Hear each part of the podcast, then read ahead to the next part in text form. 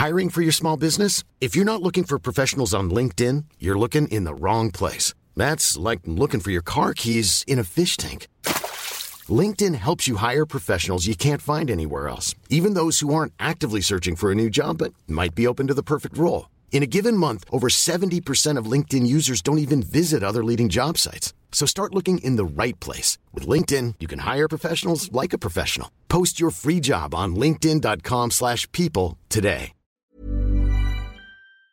Halo pendengar GGMI Podcast, baik lagi bersama kita bertiga dan masih dalam suasana bursa transfer yang sepertinya sudah mulai menunjukkan hilalnya karena pada saat kita tag podcast hari ini Malaysia sudah resmi diperkenalkan oleh MU sebagai first signing ya dari Yes. Ten Hag gitu kan. Nggak ada yang mengira, gue kira yang akan datang pemain Ajax ternyata adalah pemain klub rival gitu kan dari Feyenoord gitu. Tapi kita nggak akan ngomongin Malaysia karena kita bisa keep dulu. Cuman kita mau ngomongin satu buah berita yang memang menurut gue cukup menghebohkan. Masih rumor, tapi gue sangat mau untuk diskusi dengan Saung. Karena gue tahu Saung adalah orang yang mungkin punya emosional apa ya, Emotional attachment. dengan yang bersangkutan gitu kan. Kita bicara masalah kepindahan atau rumor kepindahan Ronaldo ke klub luar selain dari eh, di luar MU ya gitu. Dan gue mau dengar dari lu sendiri ketika mendengar rumor ini apa yang terpikirkan dari lu? Um? gue tidak bisa berkata-kata sih maksudnya eh, apa ya sebenarnya sebenarnya kalau misalkan kita mau bicara jujur oke lah pasti eh, Ronaldo punya ambisi ya. Dalam arti eh, dia masih punya mungkin empat tahun maksimal 3 sampai empat tahun eh, masa profesional dia gitu. Dan seperti yang gue sempat bilang juga di Twitter ya kayak ngapain dia mau buang waktu main di Europa League gitu. Cuman eh, bulan lalu kan dia udah sempat mention kan di salah satu postnya gitu bahwa eh, apa namanya eh, we will come good gitu musim ini kita tidak eh, tidak bagus eh, Mhm. mungkin nanti di musim depan eh, kita bisa eh, berjuang untuk raih trofi lagi gitu bersama dengan eh, Erik Ten Hag gitu dia sempat mention itu jadi kayak harapan kita kan oh Ronaldo nih eh, walaupun tidak ada Champions League dia masih tetap bersama United nih masih masih tetap mau nemenin kita nih tapi ternyata begitulah Ronaldo ya maksudnya kayak gue sempet oh jadi ini rasanya 2009 kita udah punya Twitter ya udah punya Twitter karena rumor-rumornya tuh kenceng banget pak gitu jadi Mm. ya ini memang tidak bisa dihindari sebenarnya. Jadi ini ini ini tergantung bagaimana Erik Ten Hag uh, meyakinkan Ronaldo bahwa oke uh, lo nggak usah main Champions League selama satu tahun ini aja dan gue yakin ini adalah keputusan yang tepat buat lo gitu. Hmm, tapi kata gue sih sama Ten Hag nggak bakal digituin sih. Lo mau cabut ya cabut aja. Nah, bener. Sebenarnya sebenarnya di di masa di masa rebuilding ini kan kita nggak perlu drama-drama seperti ini kan harusnya gitu. Cuman eh, apa namanya? Mungkin mungkin masa masa-masa dia ngomong kali ya, di waktu-waktu ini tuh agak kurang tepat gitu. Karena udah udah sebulan musim transfer jalan kita udah kehilangan Nunes kita udah kehilangan eh, Nkunku kayak nggak ada lagi di di di Madrid striker tuh udah lagi pak gitu. Kalau misalkan memang Ten Hag mau main dengan uh, false nine gitu sama dengan uh, Tadic di Ajax waktu uh, dia masih di sana dengan Bruno Fernandes sih ya iya mungkin itu salah satu opsinya gitu. Cuman ya udah nggak ada lagi striker yang bisa menggantikan Ronaldo saat ini gitu sih Oke. di bursa transfer ini. Oke. jadi sangat-sangat disayangkan menurut gua kalau misalnya kita harus kehilangan Ronaldo. Oke, nah kalau misalkan teman-teman yang mungkin pengen tahu konteksnya, dan ini berdasarkan timeline ya, eh, yang emang hangat sekitar sebulan, eh, seminggu ke belakang ya, eh, adanya pertemuan antara Todd Boehly, pemilik baru Chelsea ya konsorsium, Mm-mm. yang akhirnya ketemu sama Jorge Mendes di salah satu eh, restoran di London gitu kan, di mana salah satu kliennya Mendes adalah Ronaldo gitu. Dan mungkin kalau kita ngelihat dari apa yang mungkin disampaikan, ada semacam kayak apa ya superiority kompleks lah mungkin yang gue pengen lihat kalau eh gue bisa loh kemudian kan ngetengah Ronaldo ke Chelsea sebagaimana akhirnya Abramovich di era-era sebelumnya gitu. Dan menurut gue misalkan emang rumor ini benar gitu kan dan emang akhirnya Chelsea adalah kontender paling kuat untuk mendatangkan Ronaldo dengan segala bentuk kemewahannya ya gitu kan. Gaji terus juga main Liga Champion eh, dan juga mungkin Tuchel kemudian approve juga ini adalah salah satu opsi gitu kan selain emang opsi-opsi lainnya gitu. Nah kalau misalkan gue nanya ke Alvin terkait dengan posibilitas dia kemudian pindah gitu kira-kira apa sih yang akhirnya mungkin bisa dilihat dari saga transfer ini Vin? Ya, Kalau misalnya dari yang gue baca-baca, sebenarnya gini, kita harus tahu dulu Ronaldo ini motifnya mau pindah itu apa. Nah, yang kita baca Ronaldo itu mau pindah karena bukan segini. Oke, tadi Saung sempat mention Champions League gitu. Sebenarnya kalau misalnya masalah Champions League itu kan hasilnya juga udah tahu dari tiga pertandingan sebelum selesai musim lalu gitu. Kalau misalnya dia pingin pindahnya gara-gara cuma gara-gara Champions League, harusnya rumor ini udah dari dulu dong gitu. Nah, cuma yang gue lebih percayai adalah karena dia tidak melihat bahwa MU ini ambisius untuk kembali ke Liga Champions lagi musim depan kayak gitu. Yang mana parameternya adalah ya mendatangkan pemain baru gitu. Karena dia juga pasti melihat dong gitu betapa squad yang sangat compang-camping musim lalu bahkan lawan Brighton aja bisa dihajar 4-0, Liverpool bisa 5-0 gitu. Masalahnya bukan kepada kuantitas tapi kepada kualitas kan gitu.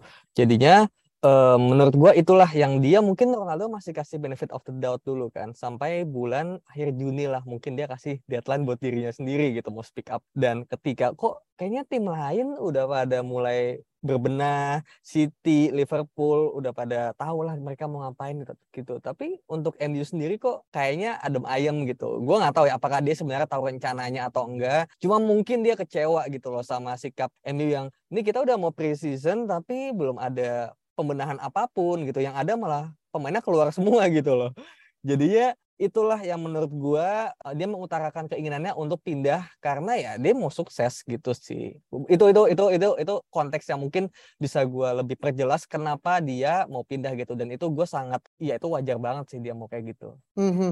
iya dan sebenarnya salah satu efek domino ya dari adanya statement Ronaldo yang mengatakan kalau dia kemudian ada rencana untuk hengkang adalah percepatan transfer MU ya. Selakit or not ya. Kemudian akhirnya Malaysia betul, itu betul. deal. Erikson kemudian udah uh, ada rumor yang tekan udah tiga tahun kontrak. Yes. Itu juga salah satunya bisa dinakodai uh, oleh omongan Ronaldo gitu. Jadi betul. menurut gue sih ini semacam uh, uh, pisau bermata dua ya. Negatifnya mm-hmm. kita harus mencari placement, tapi positifnya adalah uh, semua jajaran MU kemudian akhirnya mendapat alarm warning gitu kan. Yes, yes. Apalagi kita tahu gitu Ronaldo sebagai pemain besar, dia juga sebagai komersial apa namanya uh, subjeknya MU pasti ada beberapa hal yang quote unquote dipengaruhi juga oleh nama besar dia. Jadi menurut gue sih itu positif dan semoga minggu depan kita makin banyak melihat banyak pemain juga yang datang gitu. Karena rumor juga akhirnya berdatangan. Tapi kalau misalkan gua nanya lagi ke Saung nih sebagaimana lu melihat gitu sebenarnya apa sih bro pros and cons dari Ronaldo kemudian harus uh, cabut gitu dari MU jika kalau memang ini adalah suatu keputusan yang terbaik untuk dua belah pihak? Ya pro-nya mungkin uh, untuk Erik Ten Hag ini apa ya uh, apa namanya kalau misalkan dia cabut ya kalau misalkan dia cabut pro-nya adalah Harry Ten Hag pasti akan lebih lebih uh, apa namanya fokus lah dalam artian untuk untuk untuk rebuild uh, tim dia gitu untuk mm -hmm. cara bermain mhm. dia mau seperti apa itu harusnya dia harus lebih fokus sih karena mm -hmm. memang mhm. mau nggak mau uh, dengan ada Ronaldo di sana kan akan ada kebutuhan-kebutuhan yang harus dipenuhi kan entah uh, dia mau pengen uh, stick di satu posisi dia nggak mau pressing mm -hmm. atau apa segala macam mm -hmm. dengan jam bermain lah segala macamnya itu pasti harus dipenuhi oleh Ten Hag gitu. Jadi kalau misalkan dia cabut harusnya sih Ten Hag uh, bisa lebih fokus dalam dalam artian memilih pemain dan skema permainan yang akan dia mainkan gitu. Cuman untuk kontranya menurut gue adalah uh, Ronaldo itu kan sosok ya dalam artian di masa-masa sulit ini gitu ya masa-masa di mana kita sedang menuju cahaya ini sosok sosok Ronaldo ini dibutuhkan gitu loh di di ruang ganti gitu di mana para pemain-pemain bisa uh, apa namanya menyandarkan bahu lah dalam artian kayak uh, cari uh, advice tentang bagaimana menghadapi masa-masa sulit ini gitu. Karena memang Ronaldo itu kan sinonim dengan kesuksesan kan. Maksudnya ketika lo bisa belajar dari Ronaldo pasti akan ada back-back hal yang yang bisa lo pelajari dari dia gitu. Itu sih yang yang sangat disayangkan. Itu satu dan kedua adalah kembali lagi nggak ada yang bisa menggantikan dia saat ini gitu ya di bursa transfer untuk posisi striker sih. Jadi akan sangat disayangkan kalau misalkan kita harus kehilangan Ronaldo. Itu aja sih. Cuman pro-nya satu lagi gue baru ingat gaji sih pak. Gaji ini kan dia cukup tinggi ya. Dan nggak bisa dia uh, lepas. Harusnya sih kita bisa punya uh, apa namanya spare gaji yang cukup untuk untuk masukin mungkin dua pemain lagi sih. Hmm. Menurut gue gitu. Cuman kita harus ingat juga bahwa ini bukan kali pertama kita ingin ditinggalkan oleh ini ya apa namanya pemain mega bintang kita gitu untuk karena masalah ambisi gitu kalau misalnya kita ingat dengan pelatih Wayne Rooney juga pernah ya waktu dia mau pindah ke Chelsea kalau salah uh, sempat mau pindah ke Chelsea tahun 2010 yeah. dan 2013 karena kembali lagi gitu United saat itu terlihat sangat tidak berambisi gitu di hmm. bursa transfer dengan hilangnya uh, Carlos Tevez, hilangnya Cristiano Ronaldo pada saat itu gitu. Nggak apa ya, Rooney melihat Ferguson dan juga United ini kurang berambisi gitu dengan menghadirkan Valencia, terus Asli Young, Gabriel Obertan gitu, even Michael Owen yang udah cedera gitu. Jadi kayak menurut gue sih sah-sah aja gitu apabila pemain bintang ini meminta kejelasan lah, karena pasti mereka juga tidak ingin buang waktu sih di tim yang sorry itu sih kayak nggak jelas gitu. I see, I see. Oke, okay. berarti ada beberapa sisi yang akhirnya kita perlu uh, garis bawah ya Ong ya dari sisi prosnya dan juga konsnya gitu. Nah kalau misalkan gue ke Alvin lebih kepada terkait dengan mungkin kita ngelihat ya Vin ya bahwasanya uh, di skema uh, Ten Hag gitu. Ronaldo kan pernah juga ya melakukan uh, personal discussion ya dan ini kita tahu bersama dari media-media mainstream gitu dan uh, apa Ronaldo diberikan quote unquote semacam kayak guarantee lah kalau dia masuk ke dalam uh, base plan-nya gitu kan. Tapi ada sebuah rumor juga ini gue baca dari salah satu Twitter at District yang bilang kalau sebenarnya perpindahan Ronaldo itu adalah percepatan akselerasi generasi barunya MU gitu yeah, kan yang yeah. mana sebenarnya menurut gue ini uh, semacam kayak mana yang akan lebih lebih cepat untuk kemudian bisa kita ambil take advantage untuk MU. Nah, lo sendiri melihat sebagai eh, sosok Ronaldo gitu kan yang musim depan gitu kan uh, umurnya mungkin kalau nggak salah 38 ya gitu kan uh, iya, iya. dengan posisi terakhir sebagai top skor MU dengan 24 gol di musim lalu gitu. Lo kemudian akhirnya melihat jika lo emang dia bertahan apa sih akhirnya dampak yang bisa diberikan selain emang dari leadership dan juga experience dia pada skema uh, Ten Hag, Vin? Kalau misalnya di luar leadership ya, yang gue lihat adalah apa ya? Gue bingung ya gitu. Karena sebetulnya gini, um, Ten Hag sendiri bilang bahwa Ronaldo ini yang dia bisa offer adalah gol gitu, mesin gol. Nah, cuma masalahnya permainan Ten Hag ini kan nggak cuma mencetak gol gitu. Striker ini tujuannya bukan hanya untuk mencetak gol, tapi striker ini adalah pemain pertama pemain bertahan pertama yang harus merebut bola gitu. Itu kan skema Ten Hag kan kayak gitu. Pressing. Sama persis kayak Rangnick. Jadinya kalau misalnya satu orang ini nggak melakukan pressing dan yang kita tahu juga ya pressing itu kan harus kolektif. Semuanya pressing gitu. Nggak bisa cuma satu orang doang. Kalau satu orang doang pressing ya kita lihat aja Bruno Fernandes selama ini lari-lari cuma nggak ada temen yang bantuin gitu. Nah hmm. jadinya kalau ada satu pemain yang nggak pressing itu harus benar-benar di cover oleh pemain-pemain lainnya dan itu apa ya? Iya pemain lainnya harus dua kali bekerja lebih keras keras lagi dan itu butuh sebuah apa ya kecerdasan yang sangat-sangat tinggi ya dari orang Ten Hag bagaimana caranya bisa mengcover ketidak kasarnya ya um, ketidakmampuan Ronaldo untuk pressing selama 90 menit gitu. Bukannya dia nggak mampu, mampu, cuma mungkin nggak bisa terus-terusan.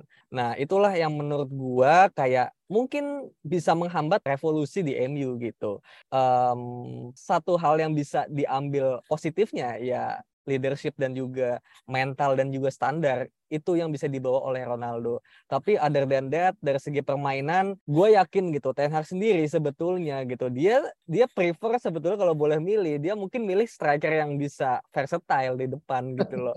Cuma dia kan nggak mungkin ya dia pelatih baru tiba-tiba bilang gue nggak mau Ronaldo, dia bisa diamuk gitu kan. gitu. Dan iya, kita juga yeah. tahu bahwa Rangnick juga kita kemarin sempat baca ya di media gitu kan di The Athletic bahwa Rangnick ini bahkan di Januari dia ingin menjual Ronaldo gitu loh dan ingin membeli seorang pemain baru yang lebih bisa melakukan pressing gitu. Karena dia tahu gitu Ronaldo ini nggak bisa pressing selama 90 menit seperti skema yang dia inginkan gitu. Hmm, hmm. gitu. Hmm. jadi menurut gue ya Rangnick dan Ten Hag ini nggak jauh beda filosofinya. Sama-sama harus pressing dari depan gitu dan Ronaldo nggak bisa itu gitu loh. Dan hmm ya sayangnya gitu meskipun Ronaldo ada pemain bintang pemain besar pemain yang sangat berjasa gitu goat lah bisa kita uh, kita bilang ya. Cuma somehow Ronaldo ini bukanlah pemain yang tepat untuk MU pada saat ini menurut gua ketika lagi rebuilding. Kecuali MU ini udah lengkap nih dari depan sampai belakang. Nah Ronaldo ini menjadi pelengkapnya untuk menjadi perfect 100% Gitu. I see. Gua kira lu bilang uh, akal efek kalau misalnya lu jadi coaching staff tadi. itu juga bisa sebenarnya gitu untuk menumbuhkan mentalitas dan juga standar yang sangat tinggi di MU gitu. Hmm, oke oke oke oke. Nah ini menarik ya terkait dengan apa yang akhirnya bisa kita lihat dari keberadaan Ronaldo maupun tidak ada Ronaldo gitu di sudut pandang Alvin dan juga Saung.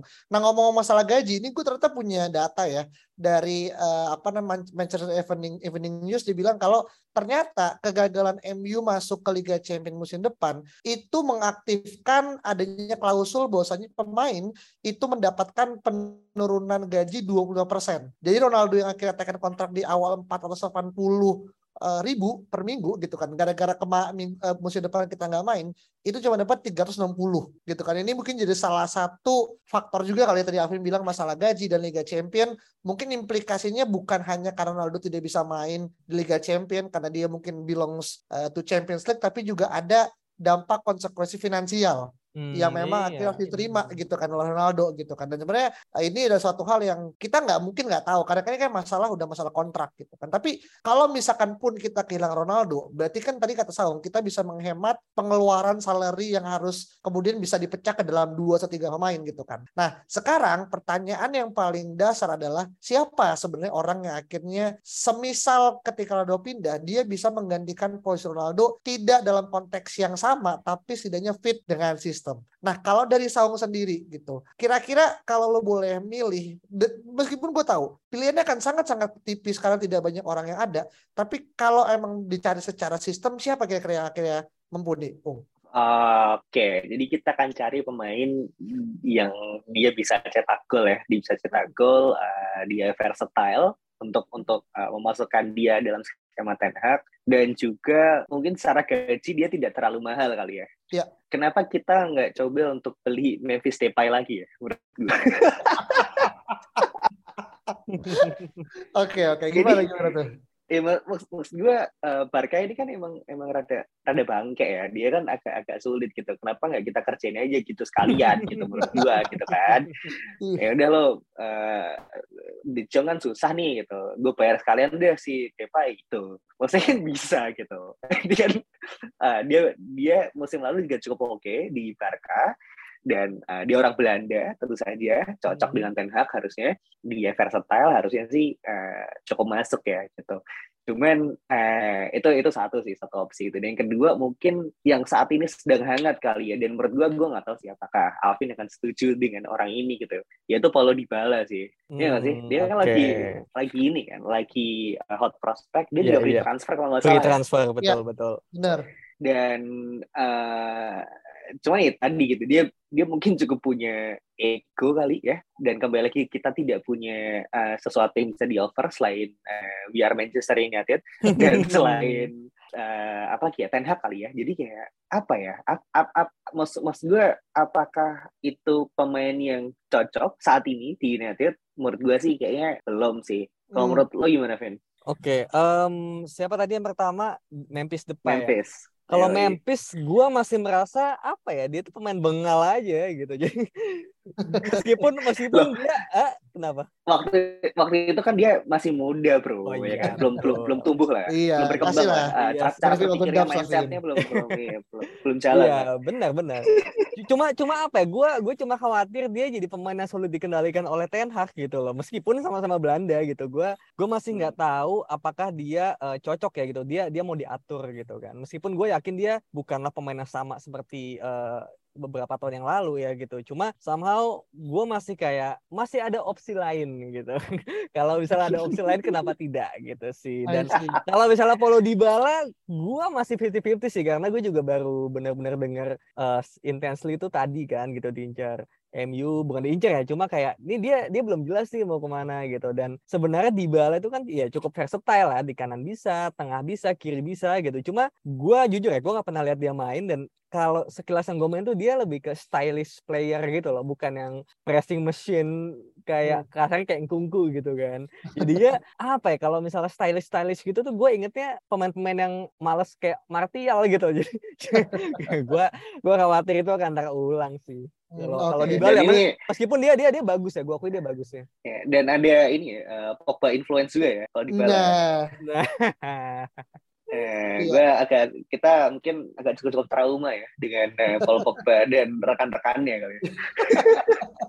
Sebenarnya kalau di nah, kalau misalkan gue boleh memberikan pendapat terkait dengan Dybala sebenarnya sayang banget ya karena Dybala itu kan kalau emang datang ketika Pogba ada menurut gue itu jadi salah satu bargaining point gitu kan. Karena kan tuh akhirnya selalu diululukan di MU di dua tahun ke belakang kan gimana akhirnya Dybala dan Pogba bisa bersatu gitu. Tapi sekarang dengan keberadaan Dybala yang akhirnya free agent gitu kan dan akhirnya sekarang dia uh, belum tekan kontrak sama Inter karena kan rumor Dybala kan lebih kencang ke Inter sebenarnya ya mm -hmm. itu kan sebelum ke MU gitu. Dan kalau terkait dengan uh, stylish player gitu. Dan gue setuju sama apa yang Alvin bilang gitu. Apakah kita bisa relying ke dia as in secara pemain dengan kualitas? Iya. Tapi apakah dia bisa fit in dengan sistem itu tanda tanya gitu. Dan buat gue uh, pemain yang mungkin bisa dipertimbangkan ya Vin ya selain mm -hmm. emang Dybala dan juga Memphis ya. Uh, Memphis uh, ya benefit of the doubt dia sekarang udah lebih dewasa gitu kan. Cuman gue lebih prefer mungkin kita mencoba beberapa uh, opsi ya. Mungkin hmm. salah satu yang gue kepikiran David Kemo sebenarnya Vin. Waduh, siapa Dan tuh? Gue tahu. David Kemo tuh strikernya siapa ya? Gue lupa deh. Gue baru baca sih, tapi kalau nggak salah bukan Garuda Select kan ya? Eki kali Eki, Eki malamnya. Anjir. Ya, tapi tapi gue lupa deh tapi beberapa nama sebenarnya emang ya baik lagi tidak tidak baik terkenal gitu. Tapi menurut gue memang yang paling mungkin adalah seperti kekuatan kekuatannya Ten Hag melihat pemain muda yang mungkin tidak memiliki sebuah uh, apa namanya jam terbang tapi mm -hmm. punya value dan bisa dikembangkan gitu. Atau mm -hmm. sekalian aja gitu kan. Ketika memang kita melepas Ronaldo, kenapa nggak kita akhirnya fight to fight dengan Barca untuk memperebutkan Lewandowski? Sebenarnya ya. Aduh, gua gua gua gua gua lihat Lewandowski ya kayak kita itu udah dari tahun gue lupa ya tahun berapa ya kayak dari sejak Rooney 2012 ya. ya. Iya, dari sejak Rooney tuh kita nggak punya seorang striker muda yang yang yang apa ya, yang bisa kita andalkan gitu. Kita selalu punya striker-striker yang udah abis lah cara gitu. Abis tapi masih bagus ya. Ada Zlatan, uh, Cavani, ya, Falcao. Ya, Falcao Berbato sebenarnya masih bagus kan, cuma dia nggak lama yeah. gitu. Lukaku mungkin yang paling prime ya, cuma ya kita tahu sendiri Lukaku gitu kan. jadi jadinya yeah kayak gitu gitu. Oke. Okay. Mungkin mungkin Anthony Martial kali ya. Uh, ini res resurrection kali ya. Mungkin ini saat yang tepat untuk dia membagikan karirnya sih menurut gua. Kalau kalau kata kalau kata Mark Goldbridge ya gitu, mengharapkan yeah. Martial bersinar lagi di MU itu sama aja mengharap Manchester tidak hujan. Waduh. ah Coldbridge kan kebanyakan ngipul pak. Iya benar. Cuma kan cuma kan uh, itu senada dengan apa yang kita sampaikan juga dari kemarin-kemarin kan tentang Martial lagi. Makanya makanya mungkin ini adalah saat yang tepat gitu loh untuk untuk kita melihat the real Martial gitu the number nine ya kan? Yang mau ngomong ini dua musim lalu ngomong ini dua musim yang lalu. See, I see, atau sebenarnya kalau emang pun kita tidak bisa melihat dari luar ya kita kan bisa lihat ke dalam ya Betul. kayak ada beberapa striker yang mungkin uh, dari akademi yang kemudian akhirnya bisa dijadikan satu opsi dan tadi kan Alvin sempat bilang ya kenapa nggak kemudian akhirnya kita menggunakan false nine gitu? Dan Bruno Fernandes sebenarnya kan adalah salah satu opsi yang paling memungkinkan apalagi dia kedatangan uh, Christian Eriksen gitu kan yang memang akhirnya secara roles mirip dengan dengan Fernandes kenapa nggak kita majuin? Dan ini mungkin persis dengan apa yang terjadi di Spanyol tahun 2000 uh, eh, di World Cup kan ketika Fabregas harus bermain sebagai false nine gitu. Dan kemungkinan ini tetap ada ya gitu kan karena kan kita juga akan lihat dari preseason MU ya di bulan ini kan kita akan uh, main ke Asia Betul. ke Singapura ke mana ke uh, Australia dan juga ke Thailand gitu kan dan ini mungkin Ten akan mendapatkan sebuah best formation gitu dia mungkin mm -hmm. salah satu opsi gitu dan mungkin yeah. dari teman-teman yang lain yang mungkin punya pendapat silakan juga ya untuk kemudian memberikan uh, apa namanya opsi di Twitter gitu kan iya, ataupun iya, iya, uh, akhirnya nge-mention kita oh ini kayak bagus nih segala macam. Iya, soalnya kemarin juga sebetulnya kan um, di akun Gigani Podcast di Twitter juga sempat ya gue ya maksudnya gue mewakili gitu gue uh, ngebikinin utas ala-ala gitu kan gitu kayak yeah. tentang kepergian Ronaldo ini gimana sih gitu kan. Terus yeah. skema-skema yang mungkin bakal terjadi gimana gitu dan uh, gue baru nge-bring up satu opsi yaitu ya tadi yang sebenarnya dia juga udah sampaikan yaitu Bruno Fernandes sebagai false nine kayak gitu. Karena jujur ya ini ini pendapat gue ya Bruno Fernandes itu mirip Wayne Rooney gitu loh. Dia nomor 10 bukan, tapi nomor 9 juga bukan. Means dia di tengah-tengah antara itu, yaitu pemain nomor 9 setengah gitu kan. Yaitu SS uh, eh, apa second striker gitu loh. Ya, Jadi yeah, yeah. dibilang striker yang apa um, penyerang banget bukan, tapi sebagai playmaker yang apa uh, stylish kayak Juan Mata pun bukan gitu loh. Jadi dia emang di tengah-tengah itu gitu dan why not kita mencoba lebih apa ya lebih di train lah kasarnya gitu. Kalau musim lalu kan kita cuma nyoba sekali atau dua kali gitu Bruno sebagai itu. Dan gue yakin mungkin itu juga nggak di train secara baik gitu loh. Dan mungkin dengan Ten Hag yang udah pernah menggunakan Dusan Tadic juga ya di Ajax sebagai false nine di Liga Champions dan itu sukses dan belakangnya Donny van de Beek gitu kan itu menurut gue apa ya uh, bisa dicoba gitu. Apalagi tadi kita juga udah deal ya dengan Christian Eriksen yang mana coba deh misalnya kita kita pakai asal-asalan aja gitu. Ten Hag ini beli Eriksen gitu kan dan dia udah tahu AM kita tuh bakal ada tiga. Bruno Fernandes nggak mungkin dikesampingkan. Van de Beek itu udah dijanjikan oleh Ten Hag dia bakal mendapat role gitu di musim depan. Dan tiba-tiba dia beli Christian Eriksen yang role sama gitu loh. Lu bakal ada tiga pemain di posisi yang sama gitu. Jadi gue masih melihat bahwa ini either ada yang bakal digeser ke sayap atau ada yang digeser menjadi striker kayak gitu dan kemungkinan itu tetap ada Bruno jadi striker dan juga kemungkinan Bruno atau Erikson bakal menjadi dua pemain apa ya wide playmaker pun bisa gitu kita lihat musim lalu eh, Bruno Mata sama Pogba kalau nggak salah ya itu di tiga depan gitu loh. Jadi uh, mendukung Cristiano Ronaldo. Jadi itu sangat mungkin pemain sayap kita itu bukan pemain sayap, tapi pemain sayap kita adalah AM. Jadi AM-nya kita ada tiga kayak gitu. Dan sayapnya itu siapa? Sayapnya adalah back sayap kita. Kayak gitu. Jadi bakal banyak banget opsi-opsi yang uh, bakal dihadirkan untuk apa ya? Kayak mengantisipasi ketidakhadiran Ronaldo. Kayak gitu. Hmm. Oke, berarti yang gue tangkap adalah sebenarnya uh, Erik Ten Hag pun sebenarnya nggak kehabisan akal ya, dan kita pun juga yes, yes. sebagai fans MU juga sebenarnya nggak mesti harus takut-takut banget gitu, karena karena gini Vin dan juga soal di Twitter tuh banyak akhirnya uh, apa ya akun-akun MU yang kemudian akhirnya saling mendebatkan gitu terkait dengan Ronaldo yang akhirnya merasa tidak lebih besar daripada klub, terus juga bilang Ronaldo akhirnya menggendong kita gitu di musim lalu, makanya kita perlu akhirnya memberikan saling kepada dia gitu, itu ya akhirnya jadi endless debate gitu kan. Dan pasti di mm-hmm. antara kita pun selalu punya uh, apa namanya pro kontra lah terkait dengan suatu isu gitu kan.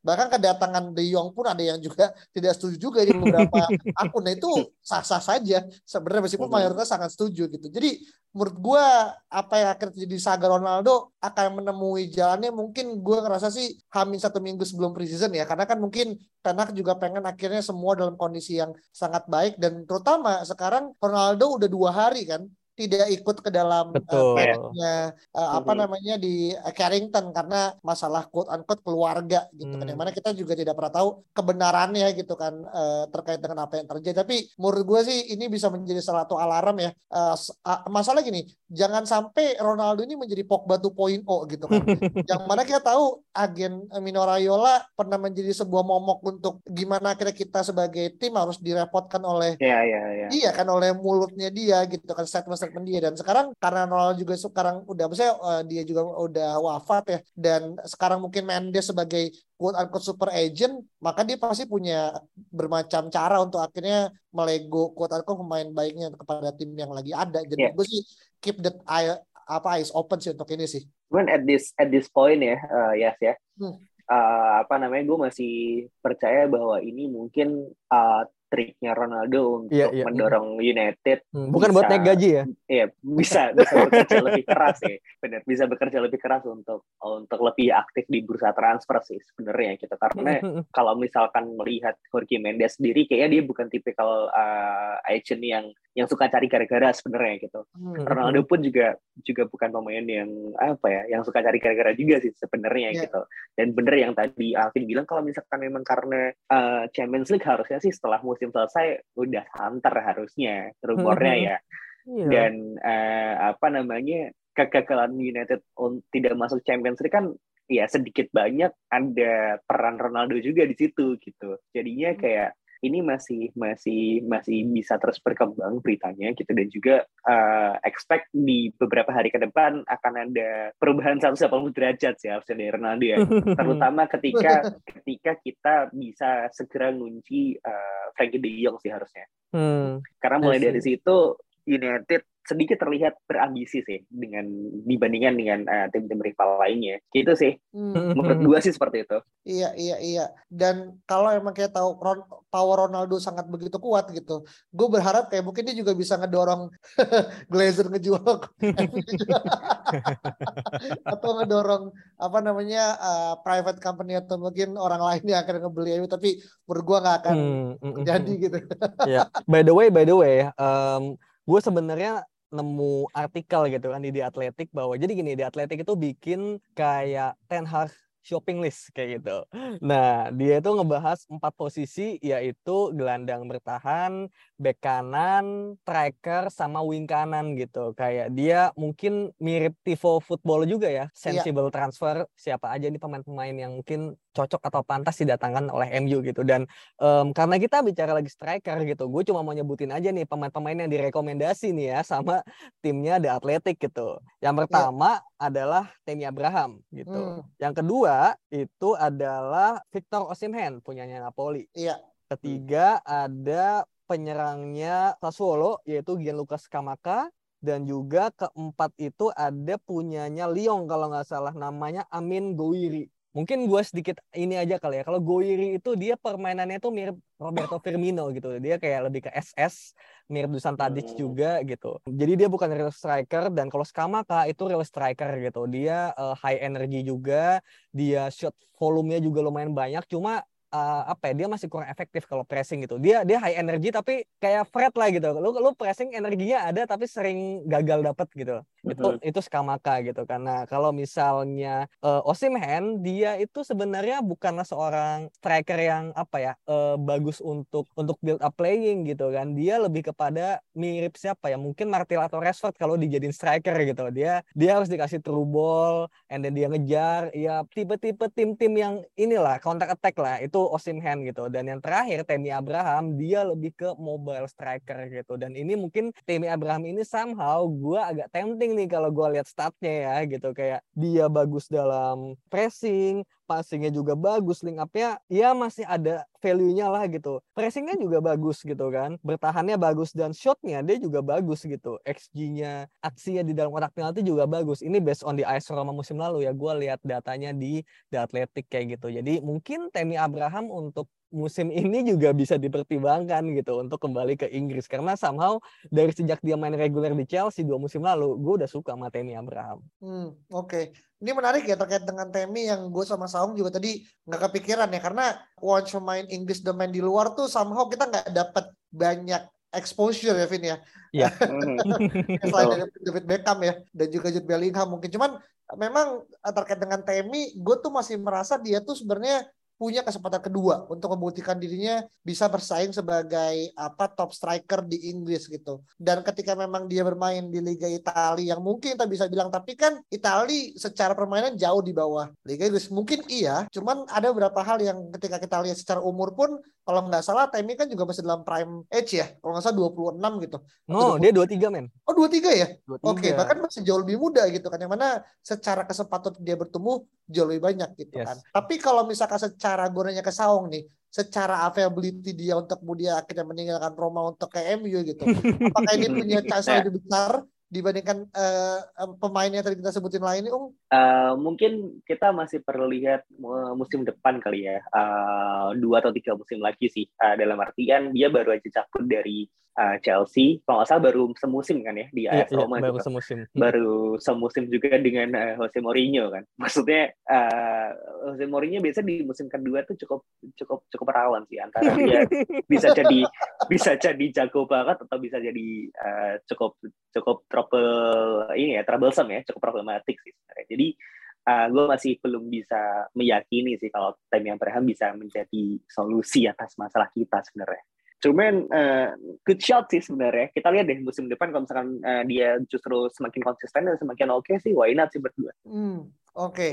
berarti lu membuka kesempatan untuk akhirnya Temis sebagai satu opsi berarti ya? Iya, cuman un bukan untuk musim ini ya. Gitu. Oh, berarti untuk hmm. musim depan berarti? Mungkin 2024 kali ya, uh, setelah musim depan maksud gua. Jadi, jadi uh, untuk untuk saat ini gue rasa sih masih belum sih. Oke, okay, oke. Okay. Hmm. Tapi gue ngerasa gini ya, kalau emang Temi pengen uh, quote unquote ya main di Piala Dunia ya di akhir tahun, sebenarnya chance untuk kemudian dia kepilih oleh Southgate itu menurut gue bermain di MU adalah salah satu quote unquote adalah faktor pull factor ya. Uh, karena kan kita bisa kemudian asumsikan uh, gue nggak tahu ya apakah kemarin ketika di UEFA Nation League Temi juga main di Inggris atau enggak, tapi kan menurut gue ketika emang udah masuk ke, ke Piala Dunia kan pasti ada beberapa pertimbangan dong gitu. Makanya akhirnya sekarang jadi rumor banyak di Twitter tuh adalah ketika Malaysia udah deal sama MU adalah ketika gimana dia nge ngejawab teleponnya Van Gaal untuk pertama kali gitu kan. Hmm.